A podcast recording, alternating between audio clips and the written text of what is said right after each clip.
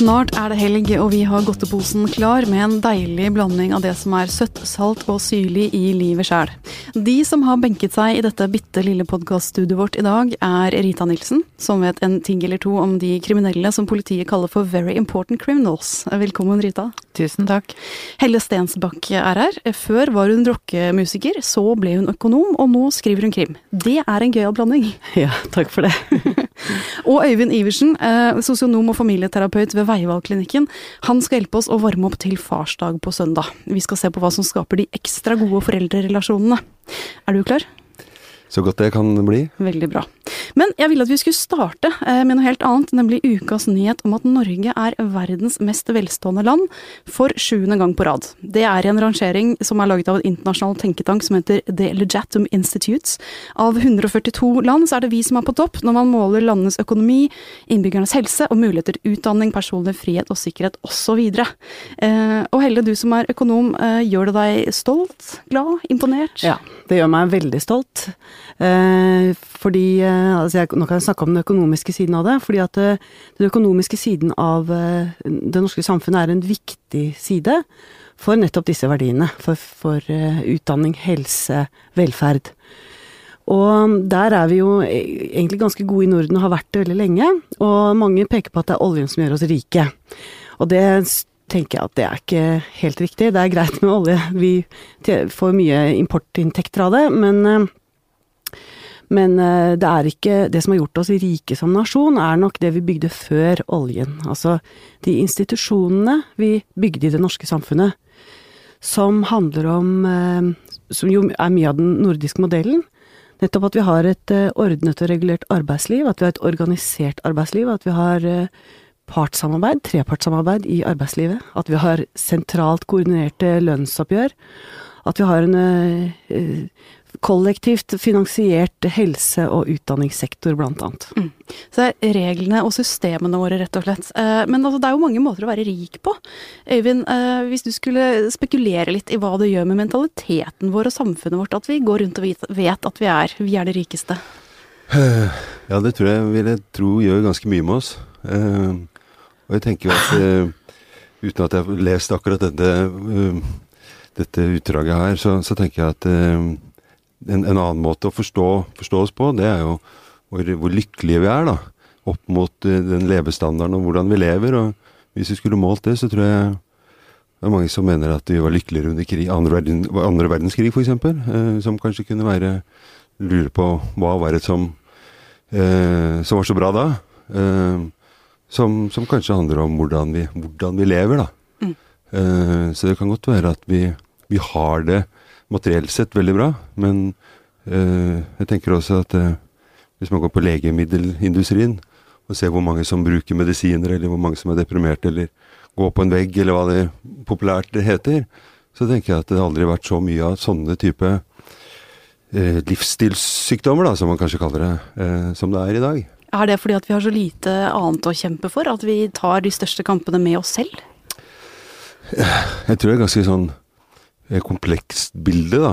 Men jeg tenker jo at det, eh, dette handler jo om ja, kanskje Vi har det så bra at vi har så mye tid til å lure på hvordan vi skal eh, realisere oss selv, hva vi skal holde på med.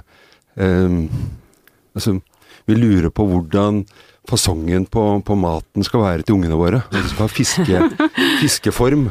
Eh, ikke om vi, om vi, har mat til å, å, sende dem.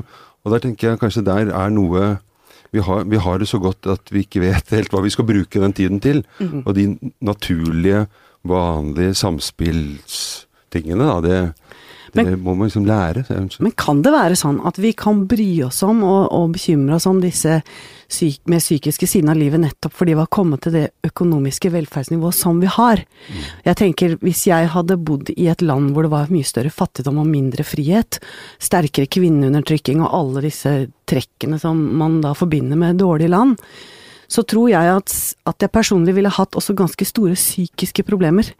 Eh, men at jeg kanskje hadde hatt andre viktigere problemer å bakse med, som hadde gått foran det å tenke på det psykiske siden. Mm. Og at det er et eh, Altså, jeg mener at vi, vi Målet for et samfunn er at menneskene skal ha det best mulig, og vi har fortsatt mye å ta igjen. Men det at vi kan ta oss, tenke på den psykiske siden, er kanskje også en, en god ting, da. Eh, Rita, du jobber jo med de som faller utenfor det systemet, eller de systemene som vi får premie for her. Eh, Ja. Hva tenker du om vår velstand? Nei, jeg, kan ikke akkurat si at jeg opplever at Norge har noe velstand. Jeg jobber jo veldig lavt nedpå i systemet, altså helt nede ved grasrota, nesten under grasrota òg. Eh, og ser jo alle de kutta som er, hva som skjer i fengslene nå blant annet. Hvordan programvirksomhet for de mest utslåtte. Eh, som jeg sier mange ganger, at det er jo mennesker som er dømt til å mislykkes før de er påtenkt. Eh, de har vi ikke penger til å støtte 100% Det går veldig mye stykkevis og delt. Og da går det jo ikke bra i det hele tatt. Eh, så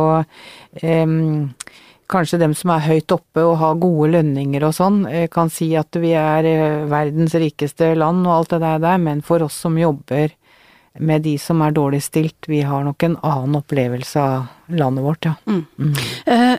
I VG-helg på lørdag så blir vi kjent med en som er under grasrota, kan man si. Ja. Glenn Kenneth Andersen. Han Ja. er kriminell, og han tilhører da den gruppen av lovbrytere som politiet kaller for very important criminals. Mm. Eh, Det er de som begår flest lovbrudd. Eh, Og han Glenn Kenneth han ruser seg ofte. Han pågripes ofte med narkotika i lomma og en kniv inntil kroppen.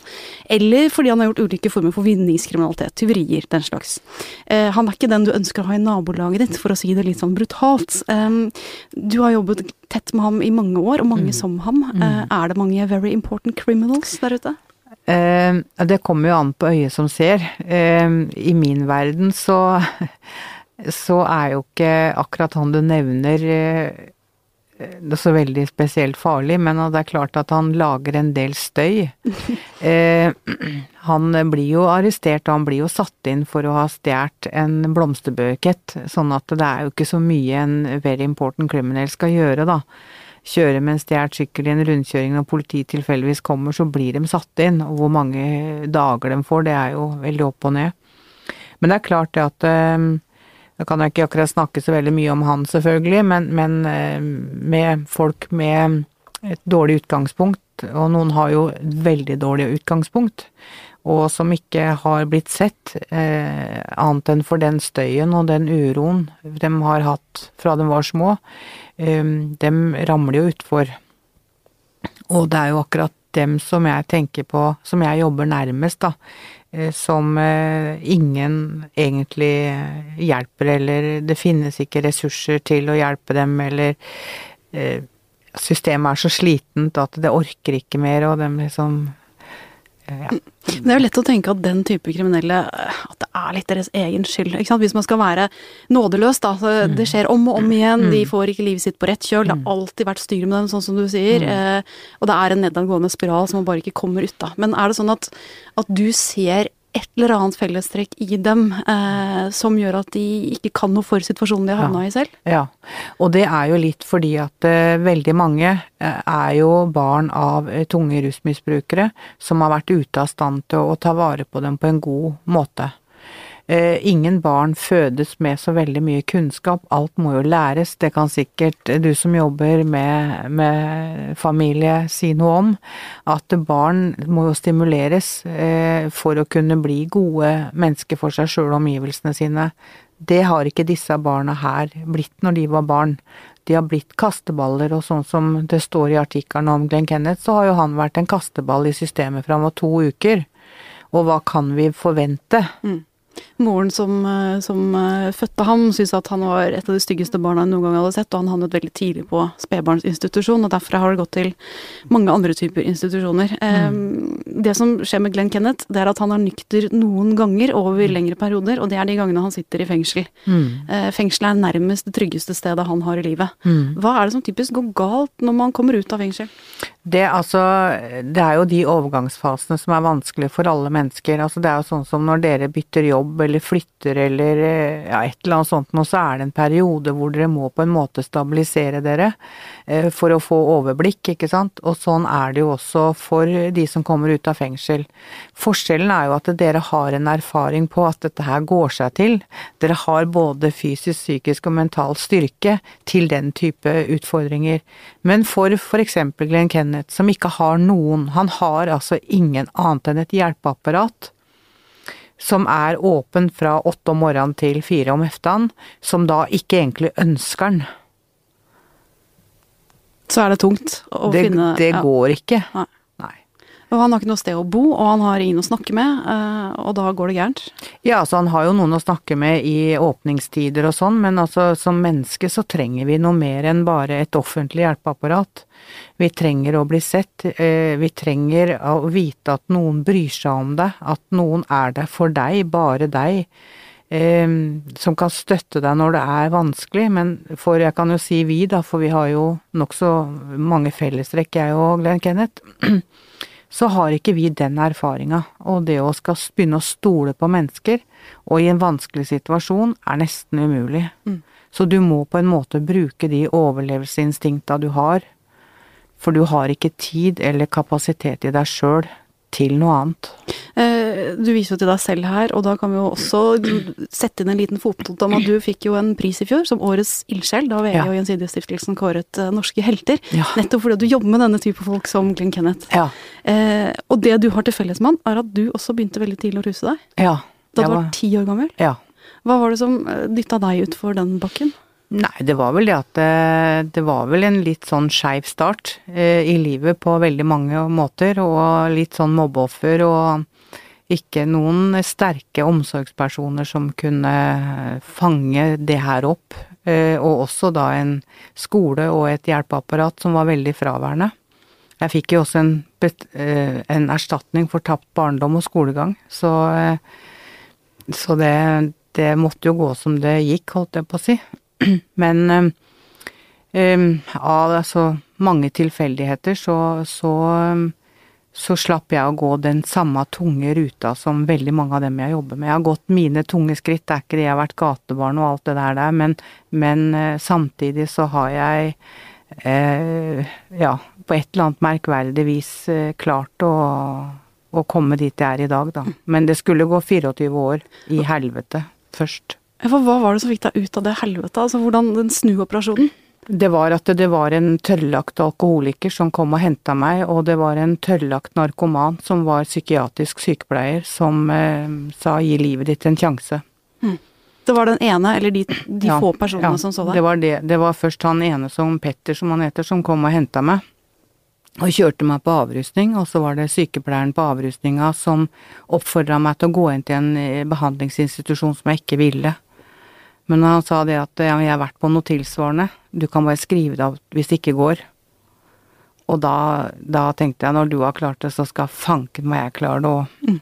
Og så hadde jeg da, jeg hadde et menneske som jeg til slutt etter et år valgte, altså tok helt konkret valg om å si enten må jeg stole på noen, eller så går det gærent igjen.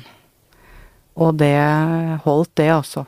Så jeg var jo, hadde jo veldig flaks. Og det er jo det jeg prøver å gi tilbake, da, med å være tilgjengelig og jeg ser sånn som nå har jeg jobba 14 år i Oslo fengsel og fått en enorm tillit både av ansatte og innsatte, og ser hvordan de nå kontakter meg fordi at jeg fremdeles står, da, eh, rolig. For nå er du da det settet med øyne som Ja. så deg da du trengte det Mm, mest. Det er du for de som trenger deg mest. Ja. Mm. Mm. Eh, hvis du skulle gi et eh, hva skal man si, et råd til folk som eh, Altså, domstolene er flinke til å felle, politiet er flinke til å pågripe Mm. very important criminals. Hva bør heller flere gjøre mer av? Jeg tenker at det må være en helhetlig tilnærming fra alle kanter, og at det må bli mye mer samarbeid fra alle. Altså sånn som Retretten som jeg driver, da, er jo et sted som har formål hjelp til videre hjelp, så vi prøver å koble på mange instanser som kan hjelpe. Men så er det sånn stykkevis og delt. Finansieringa er veldig stykkevis og delt. Eh, Vi er nå 15 ansatte på to avdelinger, en i Oslo og en i- Årnes. Vi har et budsjett på 7,5 million, og det er det ingen som klarer å, å støtte. Det er liksom Og vi hadde nå 13,5 besøk i fjor nede på Christian Auges gate 10 i Oslo, og 4500 samtaler i Oslo fengsel, pluss at vi følger opp mange forvaringsdømte. Så da har Norge litt å bruke lommepengene på. Ja, men vi, altså, vi blir ikke tilgodesett noen tingen. Altså, vi må fighte og slåss for de pengene. Det er én ting, men også at det må være Det må bli en helhetlig tankegang rundt det. Altså ikke dra folk gjennom behandlinger og sånne type ting, og ikke ha en bolig eller en gjennomtenkt plan. Hvordan skal det her livet leves, også ute, utenfor våre tiltak? Mm. Fordi menneskene skal leve 24 timer i sitt liv i døgnet. Og da må de hjelpes til det. Det er veldig fint at du er her og gir dem en stemme, for det er jo en stemme vi ikke hører så veldig ofte. Nei. Eh, Den baksiden, eller grasrota, av Velstands-Norge. Eh, Nå skal vi ta et lite sånn stavsprang over fra den reelle krimmen til fiksjonskrimmen. Eh, Helle Stensbakk, du har jo bakgrunn som hardbarka feministisk rockeartist, jeg må bare si det en gang til, og jobber nå som sjefsøkonom i Yrkesorganisasjonenes Sentralforbund, og nå i høst debuterer du som krimforfatter med romanen Monopol. Gratulerer. Jo, takk. Takk. Du, Var det da sjefsøkonomjobben ble for kjedelig at du begynte å skrive krim? Nei da, jeg begynte å skrive krim eh, før jeg ble det. Når jeg sitter og skriver krim, så dukker jeg litt ned i litt ulike miljøer. Eh, litt i tankene, men det er jo også fordi at jeg har et liv eh, bak meg. Vi har vært i litt ulike miljøer. Og, og det er egentlig en ganske nyttig øvelse å besøke litt forskjellige eh, grupperinger og lag i samfunnet. Også i teorien. Eh, Men altså, eh, er det mange krimforfattere som er økonomer i bunnen? Altså, Er det en vanlig blanding, at man kan økonomi og at man kan skrive krim? Ja, det er noen som er det. Eh, Tom Christiansen er det. Jo Nesbø er det. Eh, det er noen utenlandske. Men, eh, men jeg bruker økonomisk teori som taktisk etterforskningsmetode, og det er det bare et par amerikanere som har gjort. Nettopp. Så du er vet, en nykommer på feltet. Eh, Ja. Hva er det som gjør denne eh, økonomiske teorien, det at man kan den, hva er det som gjør det til et fortrinn for en etterforsker? Det økonomisk teori kan gi informasjon om ting som ellers er skjult. Det er eh, en god egenskap ved økonomisk teori. Eh, Det er også en eh, egenskap ved økonomisk teori at man, man eh, eh, det, er noe men, altså det er menneskelig atferd. Det er menneskers atferd som skaper økonomien. Det er mennesket som lager økonomien. Det er ikke omvendt. Eh, Så, så derfor så er økonomisk teori også et atferdsfag. For et, um, menneskers atferd i store kvanta. Vi er ikke så gode på individ og sånn som, eh, som terapeuten er. Eh, det vet vi nesten ingenting om, holdt jeg på å si. Ikke noe mer enn som en vanlig amatør. Men, men vi kan si noe om, om mennesker som grupper, da. Du har fått mye skryt for, eh, for din heltinne Rigmor Stark. Altså, Litteraturanmeldere som har lest deg, de sier både at du er et litt sånn frisk pust i en norsk krim som ellers er litt sånn kjedelig og gravalvorlig. Eh, og så er det eh, heltinnen din da, Rigmor. Hun er jo da politiførstebetjent. Eh, og så er det en annen dame der, Sally Hov, hun som blir drept. Hun Ja. står på scenen kvelden for drapet på, og synger rockelåta 'Evil Devil of the Female Kind', Ja. som du selv pleide å fremføre da du var rockevokalist. Ja. Eh, hvor mye av deg selv har du puttet i denne historien din? Ganske mye eh, Altså, jeg kjenner igjen mange ting hos meg selv i mange av karakterene. Så, men jeg har jo Dette startet som et hobbyprosjekt, litt sånn, gikk litt sånn sport i det. Så ser jeg om jeg får sammen et plott, og etter jeg fikk sammen det, så sa jeg å, det er jo dialoger også mellom karakterene i en bok, og så skrev jeg inn det. Og så har jeg egentlig det har holdt på i fem år, jeg har øh, kost meg, jeg har gjort dette i ferier, jeg, men jeg har kost meg veldig. Og jeg har ledd masse underveis.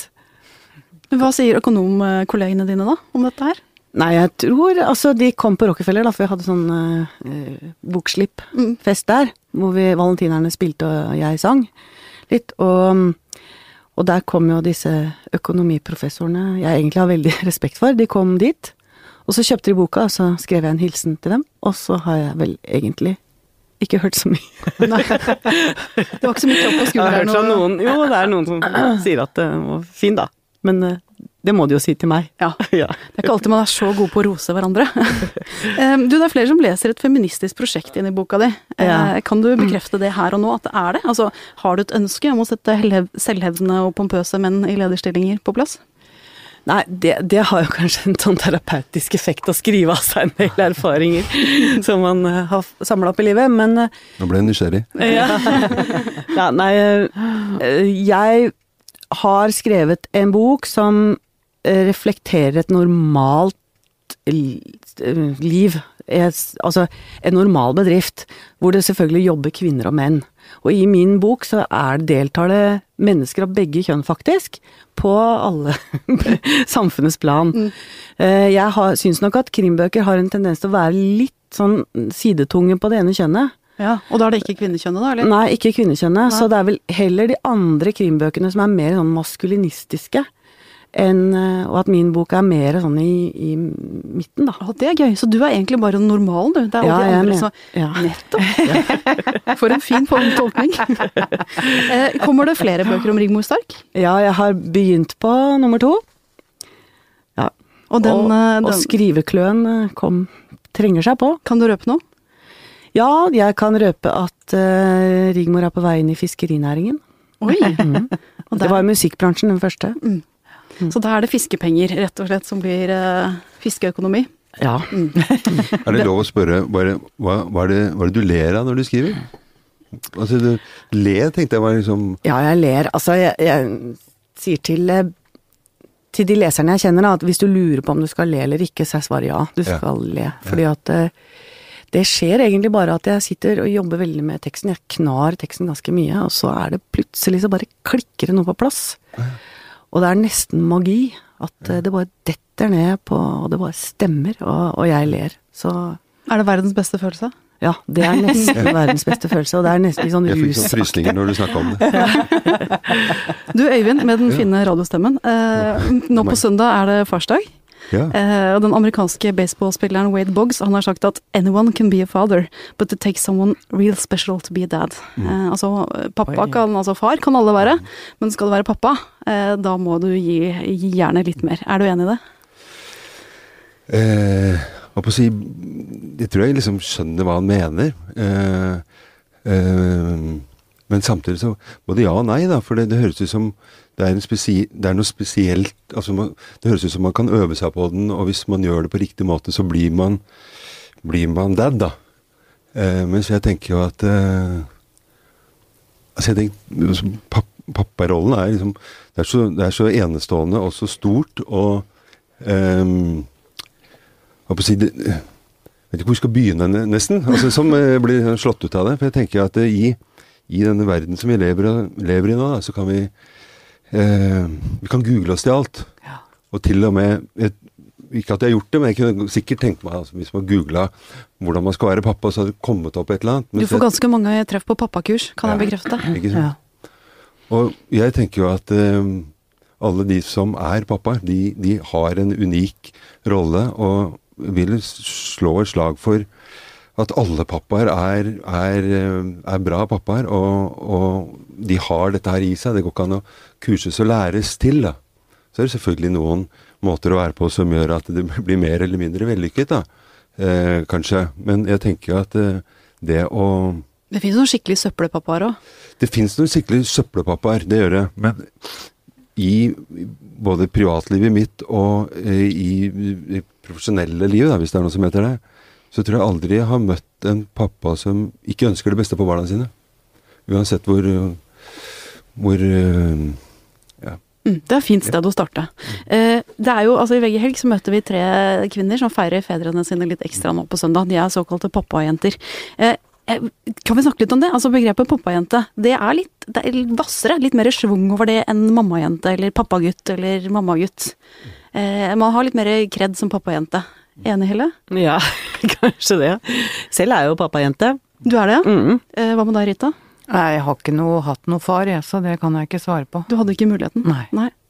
Eh, hva tenker du? Pappajente, er det en eh, Pappajente er nok mer schwung. Altså, det andre altså Pappagutt, det er som en jålete vestkantfyr, liksom. Og en eh, mammagutt er vel en sånn pyse eller et eller annet. Sånn at, eh, at eh, en pappajente tenker jeg at det, det står Det er noe annet. Det er noe noe, noe, med relasjonen mellom, mellom de to, da. Det betyr liksom ikke noe annet. Det betyr sånn som, Uten at jeg skal fortelle hvordan dere, du og faren din har det, så tenker jeg at det, må, det har skjedd noe mellom dere som gjør at, at eh, han er viktig for deg. Da. Eh, det er jo noen egenskaper som pappa sånn typisk representerer. Eh, man kan liksom flåste si at sterke kvinner har sterke fedre. Eh, det er noe kameratskap, det er noe ro, det er noe trygghet, kanskje til og med lekenhet. Er det dette som er pappas hemmelighet, at han kan være disse tingene, eller er det noe annet? Ja, jeg, altså jeg vet ikke, men jeg, jeg, jeg er selv mor, jeg har fått en datter. Mm. Og pappaen til denne datteren, han Altså det sa klikk i hodet hans i det øyeblikket hun var født. Han var jo med inne på fødestua og jobba som en helt, han. Men, og så fikk han denne nyfødte babyen i, i armene, og da skjedde det noe med han. Og da babyen vår var tre uker gammel, så var altså hun var bare så vidt at hun kunne feste blikket, så festet hun blikket på pappaen sin, og det oppsto en sånn binding der som var helt spesiell. Og da kjente jeg igjen dette, denne bindingen til min egen far. Jeg husker jo ikke hvor den kommer fra, men, uh, men den er veldig sterk, og den er veldig spesiell, og jeg syns nesten at det er spesielt mellom fedre og døtre. Mm. Jeg har lest noe teori på det som sier at eh, mødre og døtre, der er det ofte sånn at eh, de er såpass like. Altså mødre er naturlige rollemodeller som eh, småjentene tar etter, og så kommer liksom de tøffe tenåra hvor småjentene gjør alt de kan for å rive seg løs og ikke være sånn som mamma. Mens pappa kan være litt mer sånn distansert og litt mer kul og eh, kamerat. Ja. Når eh, mødre og døtre kanskje barker sammen, da. ja, for det som jeg hadde lyst til å si noe om, det var jo det med at altså Når vi tenker pappa, så tenker vi eh, pappa og barn, da, men pappa er vi jo hele, hele livet. Eh, sånn at det går jo både oppover og nedover. Eh, og én ting er jo å være leken og morsom og kameratslig eh, for de pappaene som er så heldige å være sånn. Eh, og de som ikke er sånn, vil kanskje da tenke at det er det som er det, det bra og det riktige å være. Men jeg tror at vi alle får vår nisje, da, eller forskjell, eller hva det er for noe.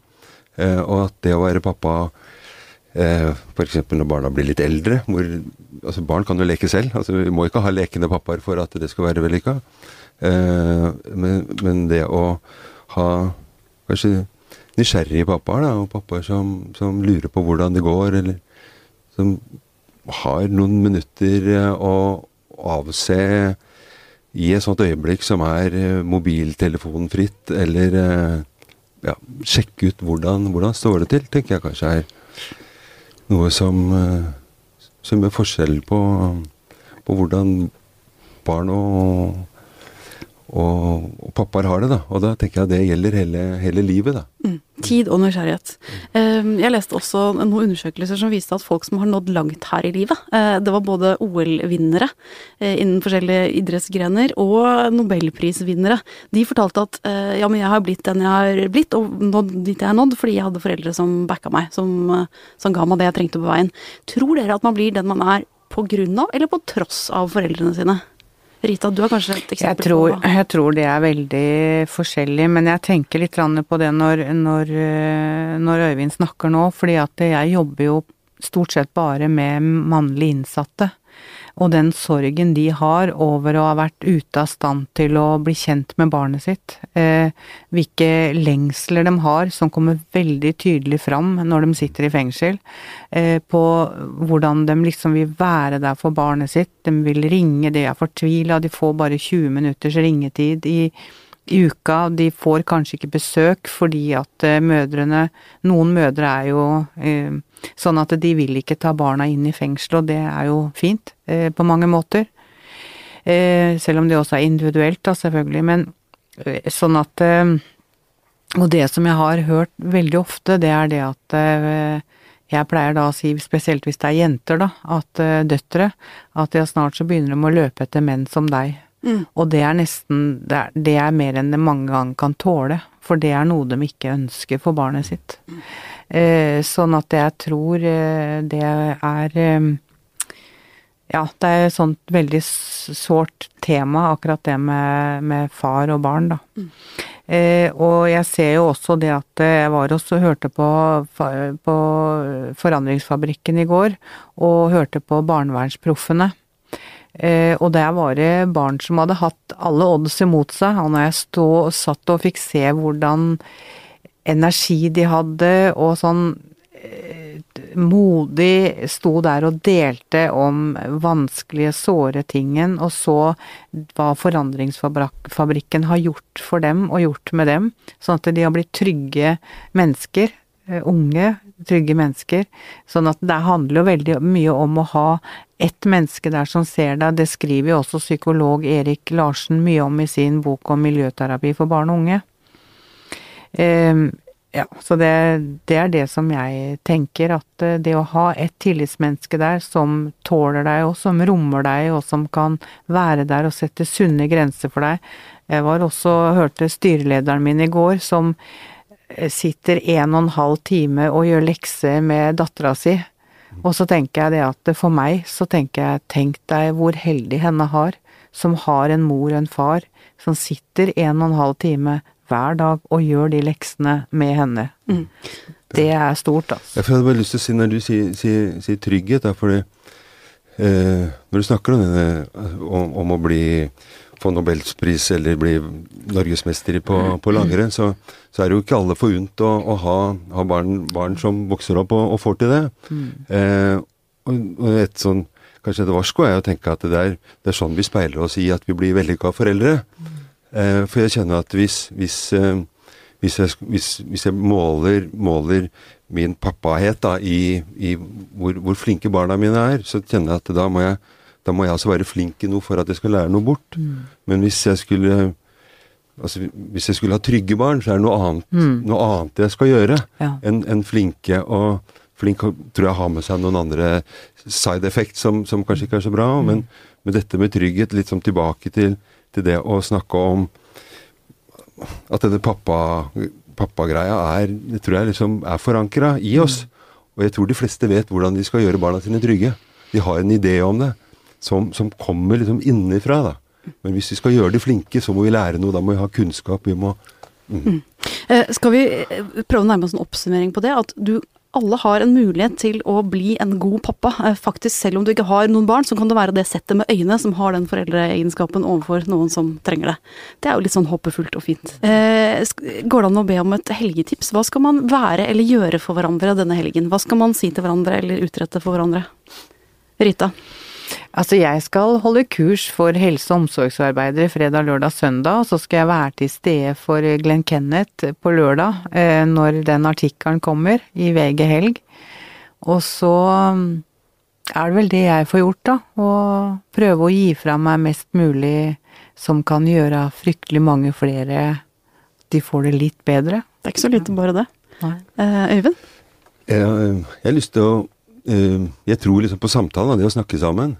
Eh, og så tror jeg på, på gaver. og Ikke at det skal løpe i veien for Nille og Dressmann, sånn at de, de skal ha mistet salget sitt, men en, en, gave som ikke koster noe, mm. eh, til pappaer. Og jeg tror jo på at vi, vi, vi, og de som er pappaer, ikke kan vite hvordan vi er pappaer eh, uten at vi får tilbakemelding fra noen. Og de beste tilbakemelderne, det, det er, er, barna våre. Så jeg kunne ønske at eh, at en mamma kanskje spurte barna mens pappa hørte på, hva er det som er, hva er, det som er bra med pappa? Eller mm. kanskje enda bedre, når er det du liker å være sammen med pappa? Mm. Og kanskje på andre siden å driste seg til å spørre når er du ikke er så glad i å være sammen med pappa? Mm. Jeg kom på da og spurte at jeg skal jo være på Hamar på søndag, og faren min bor der.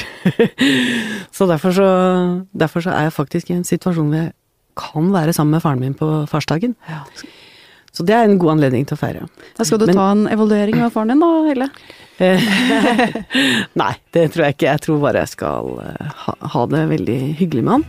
Og ja. Enkelt og greit feira. Mm. Det er ikke dumt eh, det heller. Eh, takk til alle dere som var her i dag, og til vår produsent Kristine Hellesland. Vi høres neste uke.